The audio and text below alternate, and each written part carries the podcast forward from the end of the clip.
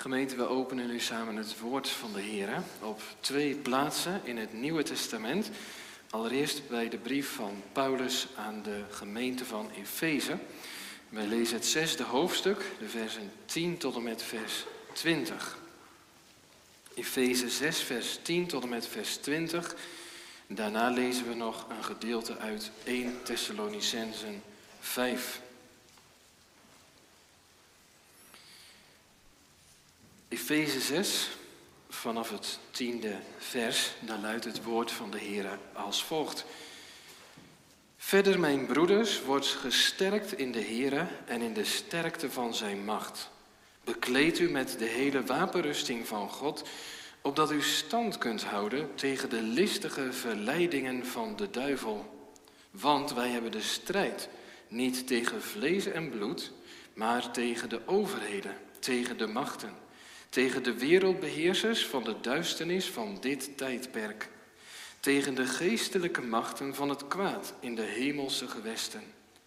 Neem daarom de hele wapenrusting van God aan, opdat u weerstand kunt bieden op de dag van het kwaad en na alles gedaan te hebben stand kunt houden. Houd dan stand, uw middel omgord met de waarheid en bekleed met het borstharnas van de gerechtigheid en de voeten geschoeid met bereidheid van het evangelie van de vrede. Neem bovenal het schild van het geloof op, waarmee u alle vurige pijlen van de boze zult kunnen uitblussen. En neem de helm van de zaligheid en het zwaard van de geest, dat is Gods woord. Terwijl u bij elke gelegenheid met alle gebed en smeking bidt in de geest en daarin waakzaam bent met alle volharding en smeking voor alle heiligen. Bid ook voor mij, opdat mij het woord gegeven wordt bij het openen van mijn mond, om met vrijmoedigheid het geheimenis van het evangelie bekend te maken, waarvan ik een gezant ben in ketenen, opdat ik daarin vrijmoedig mag spreken zoals ik moet spreken. Tot zover de eerste schriftlezing. We hebben samen gelezen over de geestelijke wapenrusting. Ik ga ervan uit dat die wapens bij u bekend zijn, de zes wapens die genoemd worden in vers 14 tot en met vers 17. Het tweede en het vijfde wapen van die zes wapens. Het tweede wapen, dat is het borstharnas. En het vijfde wapen, dat is de helm. Het tweede en dat vijfde wapen worden ook genoemd in onze tweede schriftlezing. Daarom gaan we nu lezen uit 1 Thessalonicense 5.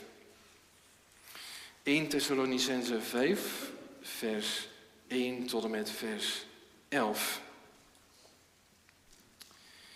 Daar klinkt opnieuw het woord van de Heer. 1 Thessalonicense 5 vanaf vers 1. Maar wat de tijden en de gelegenheden betreft, broeders, is het voor u niet nodig dat men u schrijft. Want u weet zelf heel goed dat de dag van de Heer komt als een dief in de nacht. Want wanneer zij zullen zeggen er is vrede en veiligheid, dan zal een onverwacht verderven overkomen, zoals de barensweeën een zwangere vrouw, en ze zullen het beslist niet ontvluchten. Maar u, broeders, bent niet in duisternis, zodat die dag u als een dief zou overvallen. U bent allen kinderen van het licht en kinderen van de dag. Wij zijn niet van de nacht en ook niet van de duisternis. Laten wij dan niet evenals de anderen slapen, maar laten wij waakzaam en nuchter zijn. Want zij die slapen, slapen s'nachts. Zij die dronken zijn, zijn s'nachts dronken. Maar laten wij die van de dag zijn, nuchter zijn, bekleed met het borstharnas van geloof en liefde, en met de hoop op de zaligheid als helm. Want God heeft ons niet bestemd tot toren, maar tot het verkrijgen van de zaligheid door onze Heer Jezus Christus, die voor ons gestorven is, opdat wij, het zij wij waken, het zij wij slapen, samen met Hem zouden leven. Bemoedig elkaar daarom en bouw de een de ander op, zoals u trouwens al doet. Tot zover ook de tweede schriftlezing. Gemeente, de tekst voor de preek vindt u in de tweede schriftlezing 1 Thessalonicense 5 en daarvan het achtste vers. waar wij lezen in Gods woord 1 Thessalonicense 5 vers 8. Maar laten wij, die van de dag zijn, nuchter zijn. Bekleed met het borstharnas van geloof en liefde en met de hoop op de zaligheid als helm. Het thema voor de verkondiging van deze middag, dat luidt als volgt: Wees nuchter. Dat is het thema. Wees nuchter. Er zijn twee punten voor de preek. Ten eerste een oproep tot nuchterheid. En ten tweede de vraag: hoe dan nuchter zijn? Dus ten eerste een oproep tot nuchterheid. En ten tweede de vraag: hoe dan nuchter zijn? Maar eerst gaan we samen nog zingen als inleiding op de verkondiging uit de avondzang. De avondzang en daarvan het eerste, het vierde en ook het vijfde vers. O grote Christus, eeuwig licht, niets is bedekt voor uw gezicht. En het vierde vers houdt ons gemoed voor u bereid, opdat het blij uw komst verbijt. En het vijfde vers bescherm ons in de bange tijd van zielsverzoeking en van strijd. De avondzang vers 1, 4 en 5.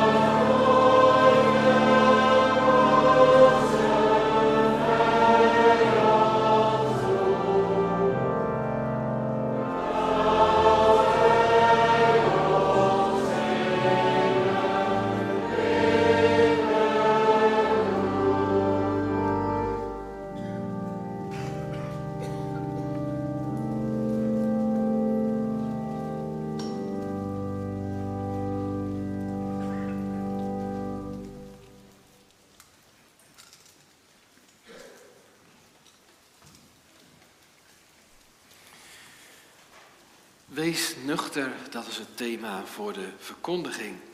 Ten eerste een oproep tot nuchterheid en ten tweede de vraag hoe dan nuchter zijn. Gemeente, jongens en meisjes, jongelui. Misschien kennen jullie dat verhaal. Dat verhaal van dominee Jack van Dijk. Hij was op bezoek bij een gezin uit de gemeente. En na afloop, toen hij weer wegging en die vader hem bij de deur bracht en naar buiten bracht. En hij al buiten was, toen draaide hij zich om en hij zei, nog één ding. Verwacht u vanavond de Heer Jezus nog? En toen zei die vader, als ik eerlijk ben, eigenlijk niet.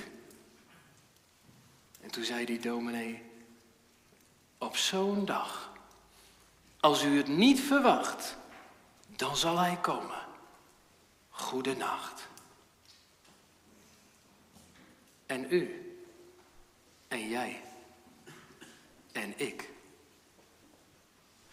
Verwacht u vanavond de Heer Jezus nog? De Bijbel draagt geen titel. U weet dat, Bijbel, Biblia, boeken, de Bijbel draagt geen titel. Maar als hij er een droeg, zou het deze kunnen zijn, hij komt. Het is een uitspraak van dokter Oepke Noordmans. U hebt dat misschien afgelopen week ook gelezen. Het was te lezen in de Waarheidsvriend. De Bijbel draagt geen titel, maar als hij er een droeg, zou het deze kunnen zijn: Hij komt. Hij komt. En gemeente, daar willen we vanmiddag samen bij stilstaan, bij de wederkomst van Jezus Christus. En dan niet zozeer bij die wederkomst zelf, bij wat er allemaal gebeuren zou, maar veel meer bij onze houding.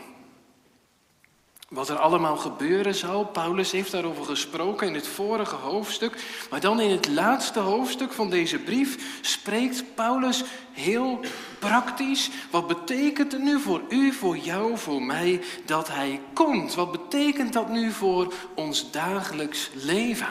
Niet alleen voor de zondag, niet alleen voor je stille tijd, maar ook voor je hele leven voor je dagelijkse praktijk. En daar spreekt Paulus over in het laatste hoofdstuk van deze brief die geschreven is aan de gemeente van Thessalonica. Thessalonica was een belangrijke stad, een welvarende stad, een havenstad in Griekenland. tijdens zijn tweede zendingsreis ging Paulus naar deze stad. U kunt dat nalezen in Handelingen 17. Paulus is daar maar kort geweest. Drie sabbatten lang ging hij met hen in gesprek. Paulus ging altijd als hij naar een nieuw gebied ging, naar een nieuwe stad ging, eerst naar de synagoge en hij probeerde de Joden te overtuigen dat Jezus is de Christus. En dan lezen we in Handelingen 17, het vierde vers, dat sommigen van hen overtuigd raakten en zich aansloten bij Paulus en Silas. En van de godvrezende Grieken een grote menigte en van de vooraanstaande vrouwen niet weinig. En zo ontstond daar een christelijke gemeente. En direct kreeg die gemeente te maken met tegenstand. Die oproer was vooral gericht op Paulus en Silas. Paulus en Silas zijn toen in de nacht gevlucht naar Berea. Kort daarna schrijft Paulus vanuit Korinthe deze brief aan de gemeente van Thessalonica. Paulus schrijft aan het einde van het eerste hoofdstuk dat hij het van hen gehoord heeft, hoe zij zich van de afgoden bekeerd hebben tot de levende God, om de ware en levende God alleen te dienen en zijn zoon uit de hemel te verwachten. Die christenen te Thessalonica, dat waren Maranatha-christenen. Die leefden in een sterke verwachting dat Jezus spoedig komen zou. Ondertussen ging de tijd door. Er werden kinderen geboren, maar er stierven ook mensen. En daar zat voor hen het probleem. Zullen degenen die overlijden er dan niet bij zijn als Jezus komt? En daar gaat Paulus in het laatste deel van hoofdstuk 4 op in. Hij zegt, degenen die ontslapen zijn, die zullen ons nog voorgaan. De Heere zelf zal met een geroep, met de stem van een aartsengel, met de bazuin van God neerdalen uit de hemel. En dan zullen de doden die in Christus zijn, eerst opstaan. En daarna zullen de levenden die overgebleven zijn met hen opgenomen worden in de wolken naar een ontmoeting met de Here in de lucht. En dan zullen wij altijd bij de Here zijn. Zo dan, zo sluit dat vierde hoofdstuk af. Troost elkaar met deze woorden. Maar, zo begint dan het vijfde hoofdstuk. Wat de tijden en gelegenheden betreft, broeders, is het voor u niet nodig dat men u schrijft. Want u weet zelf heel goed dat de dag van de Heer komt als een dief in de nacht. Als een dief in de nacht. Jongens en meisjes, wanneer komt de dief? Die dief komt niet overdag als iedereen thuis is. Als iedereen aan het spelen is, als je moeder aan het, aan het eten koken is, als je vader aan het werk is en als jij in de tuin bent en als je broertje ook nog in de tuin is. Nee, die dief komt als het nacht is, als het stil is, als het donker is, als iedereen ligt te slapen. Zo onverwachts als die dief komt, zo onverwachts komt de Heer Jezus terug. Ja, gemeente, hij had het toch zelf gezegd. U kunt dat nalezen in Matthäus 24. Wees dan waakzaam, want u weet niet op welk moment uw Heer komen zal. Maar weet dit, als de Heer van het huis geweten had in welke nachtwaken de dief zou komen, hij waakzaam geweest zou zijn. Wees ook u daarom bereid, had Jezus zelf gezegd in Matthäus 24, want op een uur waarop u het niet zou denken, zal de zoon des mensen komen. En dat is de oproep die Paulus hier meegeeft. Paulus spreekt Jezus Christus na aan die gemeente van Thessalonica. En dat is de oproep die vanmiddag door de Heilige Geest ook bij u en bij jou en bij mij komt. Houd je niet bezig met tijden en gelegenheden, met allerlei speculaties over het hoe en over het wanneer. Veel belangrijker is dat je er klaar voor bent.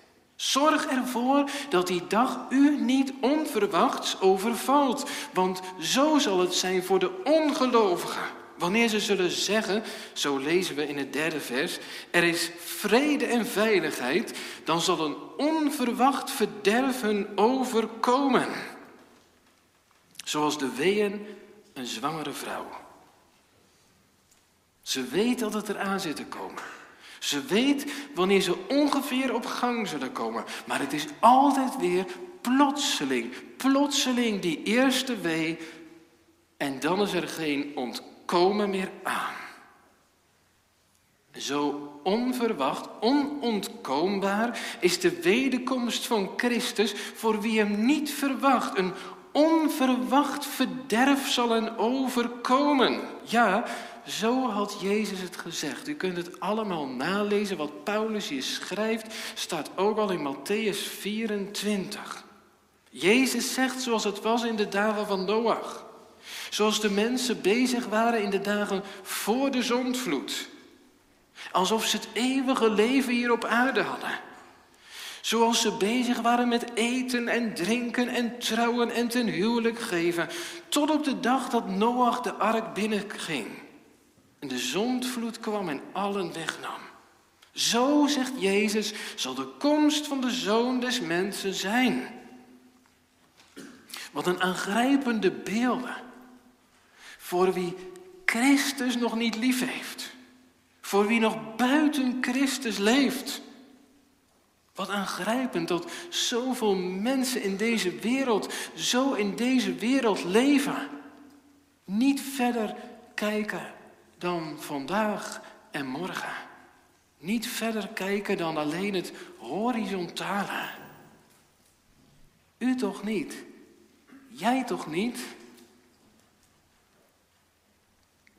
Maar dan, gemeente, naar die aangrijpende beelden, dan is er een omkeer in de schriftlezing vanaf het vierde vers. Maar, vanaf het vierde vers.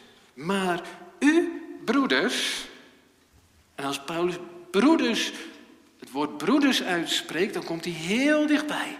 Dicht bij je hart. Dicht bij het hart van alle gelovigen.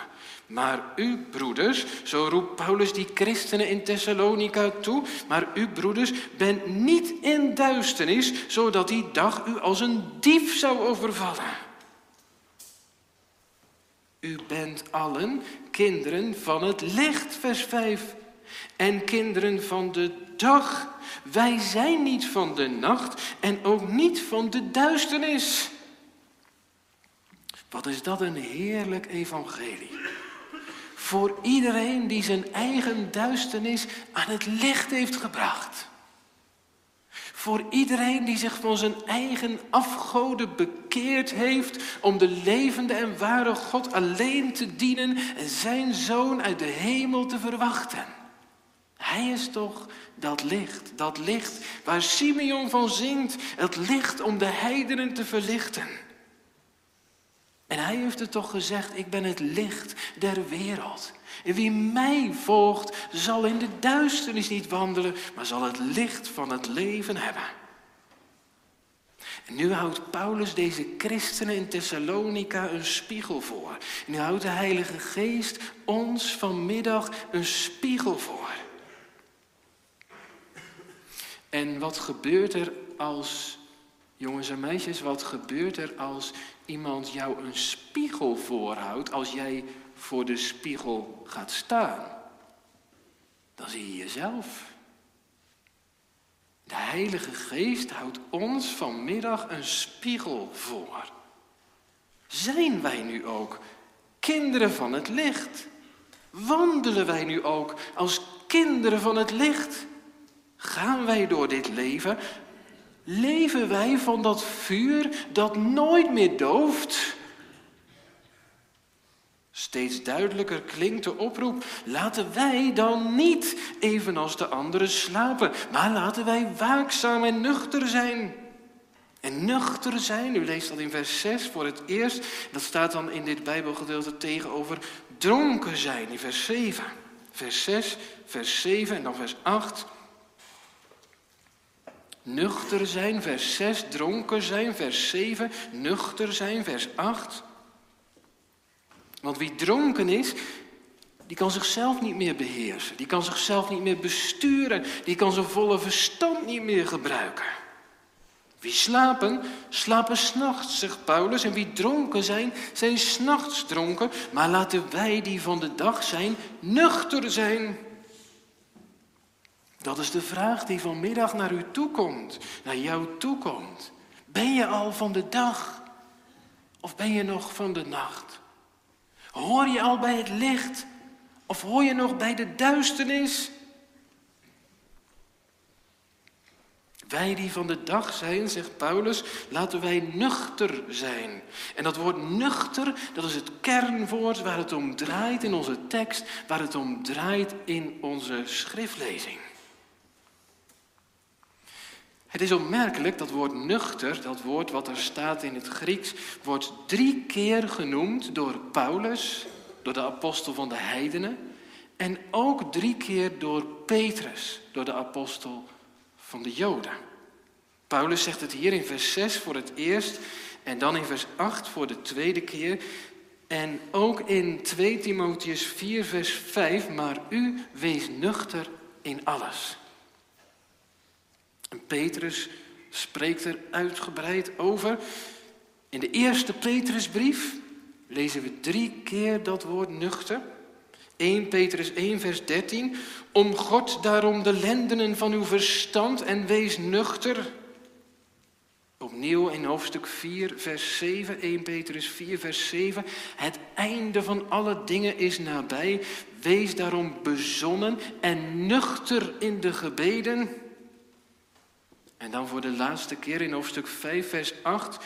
Wees nuchter en waakzaam, want uw tegenpartij, de duivel, gaat rond als een brullende leeuw. Wees nuchter, zo klinkt de oproep. Een steeds weer terugkerend refrein in het Nieuwe Testament. Een belangrijk woord voor de gemeente van het Nieuwe Testament. Voor een gezond geestelijk leven is nuchterheid nodig. Een christen moet zijn verstand gebruiken, zijn volle verstand. Dat verstand dat door de Heilige Geest is verlicht en dat zich laat leiden door het woord alleen. Wees nuchter en laat u niet meevoeren door anderen die zich bedrinken, die zichzelf bedwelmen, die niet meer goed na kunnen denken. Misschien wel heel letterlijk door de alcohol of andere verslavingen, social media, seksualiteit, alles wat je leven in beslag neemt. Laat je niet bedwelmen door alles wat er op je afkomt van buitenaf of door alles wat je van binnenuit gevangen houdt. Juist als anderen zich mee laten slepen, misschien wel in de macht, ja in de machten van deze wereld, misschien wel de macht van het materialisme, of, of in de macht van de angstcultuur. Wat staat ons allemaal nog te wachten? Waar gaat het naartoe met deze wereld? Veel mensen zijn bang. En als u wel eens evangeliseert, en ik hoop dat u dat doet, ik ga ervan uit dat u dat doet als u een levend lidmaat van Jezus Christus bent, dat u spreekt met mensen over het evangelie. En als u dat doet, dan weet u dat, hoeveel mensen bang zijn. Bang om alles wat er nog komt. Onzekerheid. Maar u, u die in Christus bent, u hoeft niet onzeker te zijn. U hoeft zich niet mee te laten slepen in die, in die angstcultuur. Laat je geen zand in je ogen strooien. Heel duidelijk klinkt de oproep, maar u wees nuchter. Laat je niet van de wijs brengen. Maar leef bij wat er staat en leef bij de dag. Ooit komt er een dag, zodat Hij voor u, voor jou niet komt als een dief in de nacht, maar als een vriend op klaarlichte dag. Wees nuchter. Maar hoe dan, zegt u? Dat is de tweede gedachte voor de preek, de vraag. Hoe dan nuchter zijn? Want gemeente, dat is makkelijker gezegd dan gedaan.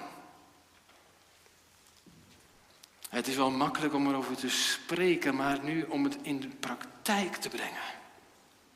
En het is wel, het lukt nog wel om het aan te horen en om het te beamen in de kerk. Ja, dat we waakzaam moeten zijn, maar hoe dan? Dat is nog niet zo eenvoudig. Dat is van alle tijden al zo. Jezus moest het zeggen tegen zijn discipelen toen hij uit die zware zielenstrijd opstond. Kunt u dan niet één uur met mij waken? En Johannes moest het schrijven aan die christenen die pas tot geloof waren gekomen. Maar ik heb tegen u dat u uw eerste liefde hebt verlaten. U hebt de naam dat u leeft, maar u bent dood. Omdat u lauw bent en niet koud en niet heet, zal ik u uit mijn mond spuwen, zegt Christus. Maar hoe dan? Hoe dan als je midden in dit leven staat, als je net bent gaan studeren, een jong gezin hebt, een drukke baan, als u ouder wordt en steeds meer lichamelijke klachten krijgt, steeds eenzamer wordt, steeds meer mensen om u heen vallen weg.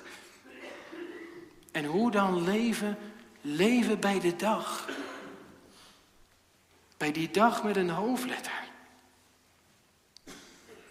Nou gemeente, de Heilige Geest komt tot de Thessalonicense toen en tot ons vanmiddag niet alleen met de oproep om nuchter te zijn, maar ook met het middel om nuchter te blijven, om waakzaam te zijn. Wat is het middel? De middelen, dat zijn de wapens. De geestelijke wapenrusting zoals u die kent vanuit Efeze 6. Jongens en meisjes, Paulus was in de gevangenis en toen zag hij een Romeinse soldaat. En die Romeinse soldaat, voordat hij weer, weer aan het werk ging en, en nadat hij uitgerust had van zijn werkzaamheden, als toen, die, toen zijn pauze voorbij was, toen, toen deed hij al zijn kleren weer aan om goed te kunnen strijden.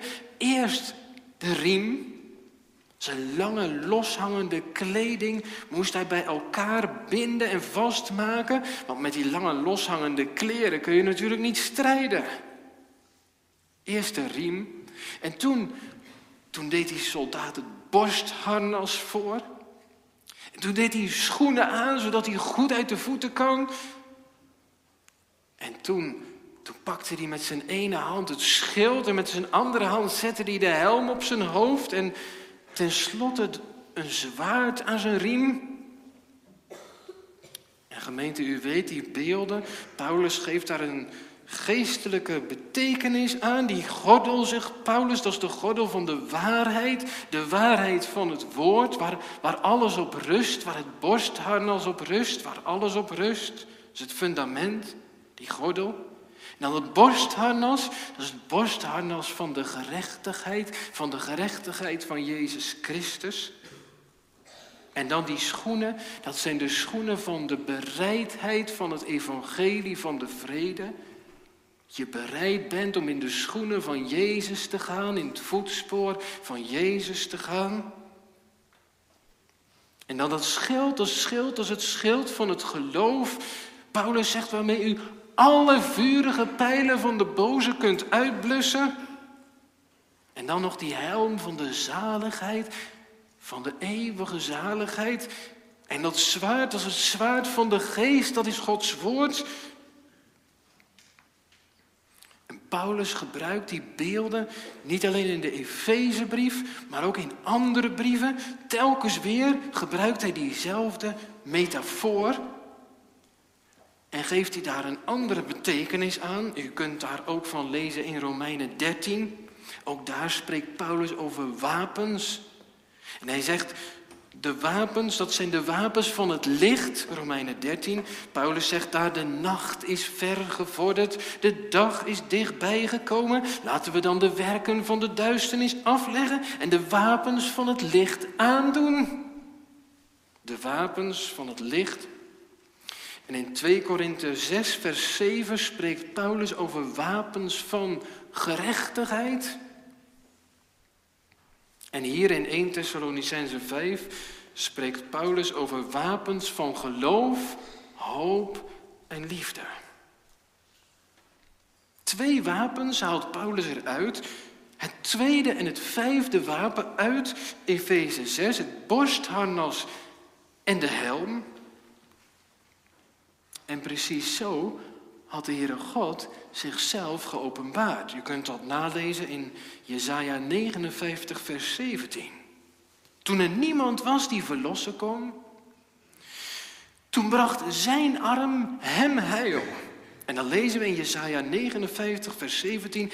Hij trok de gerechtigheid aan als een harnas en hij zette de helm van het heil op zijn hoofd. En dat alles is nieuwtestamentisch in Christus vervuld. Christus geeft het aan u gerechtigheid, zaligheid.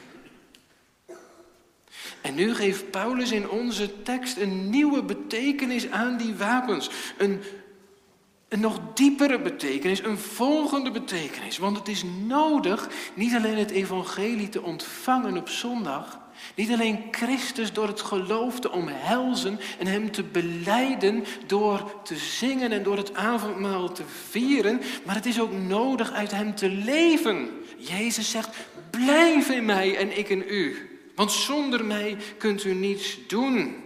Het is ook nodig die wapens te gebruiken, te hanteren. En daar geeft de Heilige Geest ons vanmiddag onderwijs in. Hoe dan? Leven bij wat er staat. Leven uit het woord.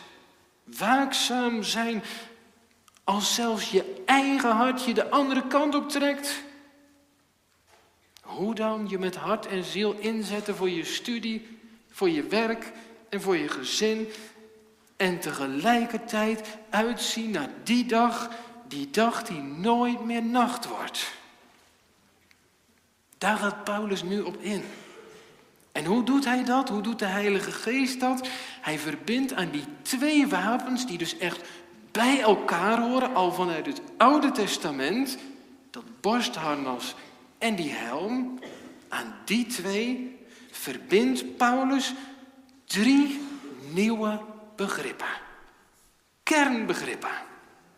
Waar alles om draait in deze Thessalonicense brief. Want zo was deze brief begonnen. Leest u maar met mij mee aan het begin van deze brief, hoofdstuk 1. Hoofdstuk 1, vers 2 en 3. Wij danken God altijd voor u allen, wanneer wij aan u denken in onze gebeden. En dan komt het in het derde vers, en zonder ophouden denken aan het werk van uw geloof, de inspanning van uw liefde en de volharding van uw hoop op onze Heer Jezus Christus. Op precies diezelfde volgorde, geloof, liefde, hoop. Diezelfde volgorde komen we dan ook weer tegen aan het einde van deze brief, als alles tot een hoogtepunt komt. In deze drie kernbegrippen krijgen we antwoord op de vraag: hoe dan? Hoe dan nuchter zijn? Leven bij de dag, leven bij wat er staat, ondanks alles wat er tegen in opstand komt, van buitenaf en van binnenuit. Hoe dan Jezus Christus uit de hemel verwachten? Hoe dan leven zoals de Heer Jezus het bedoeld heeft? De Heilige Geest geeft u antwoord in de tekst voor de preek door ze aan te doen, door ze je eigen te maken. Het borstharnas van geloof en liefde en de helm van de hoop op de zaligheid. Het borstharnas van geloof. Dat is het eerste kernbegrip, de eerste van die drie. En dan gaat het hier niet zozeer om het geloof in Jezus als redder, het geloof in Jezus als Messias, hier gaat het niet om het geloof van die bloedvloeiende vrouw.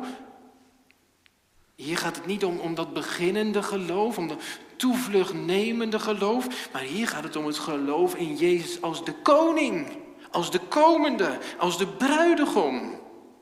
Jezus zegt daar zelf over in Lucas 18: Zal de zoon des mensen, als hij komt, wel het geloof op aarde vinden? En dan bedoelt hij niet het geloof van die bloedvloeiende vrouw. Dan bedoelt hij niet het geloof, het geloof in Jezus als, als de verlosser, als de zaligmaker. Maar het geloof in Jezus als de bruidegom. Zal de bruid dan wel klaarstaan als ik kom? Zul jij dan bereid zijn? Zul jij dan naar hem uitzien? Zult u hem dan verwachten? Zult u dan in volle verwachting leven. Heere, wanneer komt die dag dat ik u ontmoeten mag? Hij heeft het u toch gezegd. U gelooft in God, geloof ook in mij. In het huis van mijn vader zijn veel woningen. Als dat niet zo was, zou ik het u gezegd hebben. Ik ga heen om een plaats voor u te bereiden. En als ik heen gegaan ben, dan kom ik terug en ik zal u tot mij nemen, zodat ook u zult zijn waar ik ben. De Heilige Geest wil het u leren, wil het ons leren. Niet wat ik hoor, niet wat ik denk, niet wat ik voel, niet wat ik merk, Maar wat hij deed, wat hij sprak en wat hij zegt. Alleen dat is doorslaggevend. De Heilige Geest wil ons leren te leven bij wat er staat. Zoals Maria dat deed. Ze sprak het uit in alle verwarring, in alle chaos en alle twijfel. Laat met mij gebeuren, overeenkomstig uw woord. Ze had zich bekleed met het borstharnas van geloof en ook van de liefde. En dan ging ze naar Elisabeth, gemeenschap der heiligen. Wat een liefde tussen die twee. Dat is het volgende kernwoord. We hebben kerstfeest gevierd. God is liefde. Hierin is de liefde. Niet dat wij God lief gehad hebben, maar dat Hij ons heeft lief gehad en zijn enige geboren zoon gegeven heeft tot verzoening voor onze zonde. En als God ons zo lief had, zegt Johannes, moeten wij ook elkaar lief hebben. Niet elkaar de maat nemen, maar elkaar de voeten wassen. Want hoe kun je deel hebben aan hetzelfde lichaam? Hoe kun je uitzien naar dezelfde bruidegom als het onderling niet goed zit? Als je elkaar vermijdt of ontloopt, als je elkaar niet eens kent, als je elkaar niet dient. Jezus zegt, hierdoor zullen allen inzien dat u mijn discipelen bent. Dus dit is het beste evangelisatiemiddel. Hierdoor zullen allen inzien dat u mijn discipelen bent als u liefde hebt onder elkaar. Als u bekleed bent met het borstharnas van geloof en liefde. Als u de helm van de hoop draagt op uw hoofd. Het geloof dat door de liefde werkzaam is, eindigt in de hoop. En juist die hoop dreigden de Thessalonicensen te verliezen. Dat was de aanleiding waarom Paulus hier ging schrijven over de wederkomst. Er waren er al die ontslapen waren. Zouden zij de komst van Jezus Christus missen? Zou de dood het dan toch winnen van de levende? En opeens was hun hoofd onbeschermd en kreeg de boze vat op hun gedachten. En vanuit hun hoofd vervulde een diepe droefheid hun hart. Daar was Paulus begonnen, hoofdstuk 4, vers 13.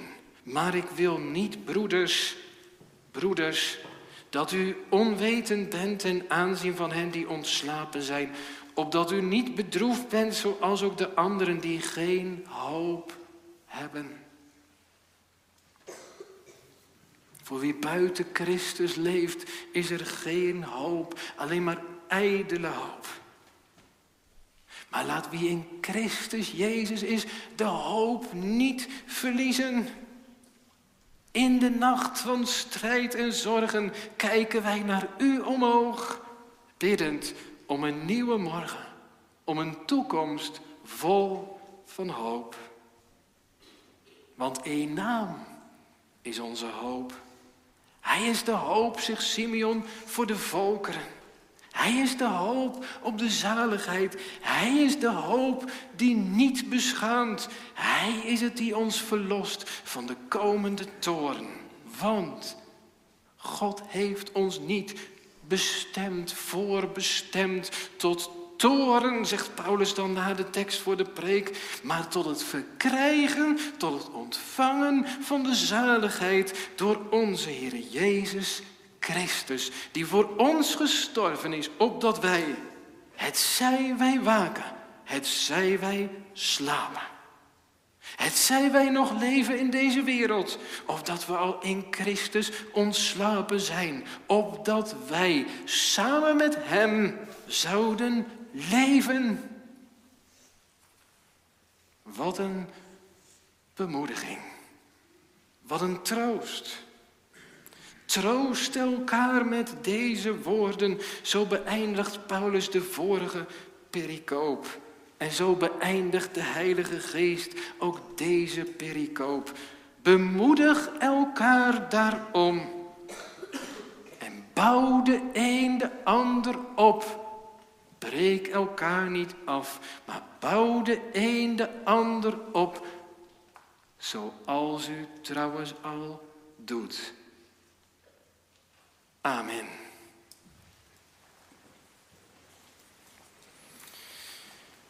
Gemeente, laten we er samen van gaan zingen uit Psalm 130. Psalm 130, daarvan het derde vers. Ik blijf de Heer verwachten, mijn ziel wacht ongestoord. Ik hoop in al mijn klachten op zijn onfeilbaar woord. Psalm 130, vers 3.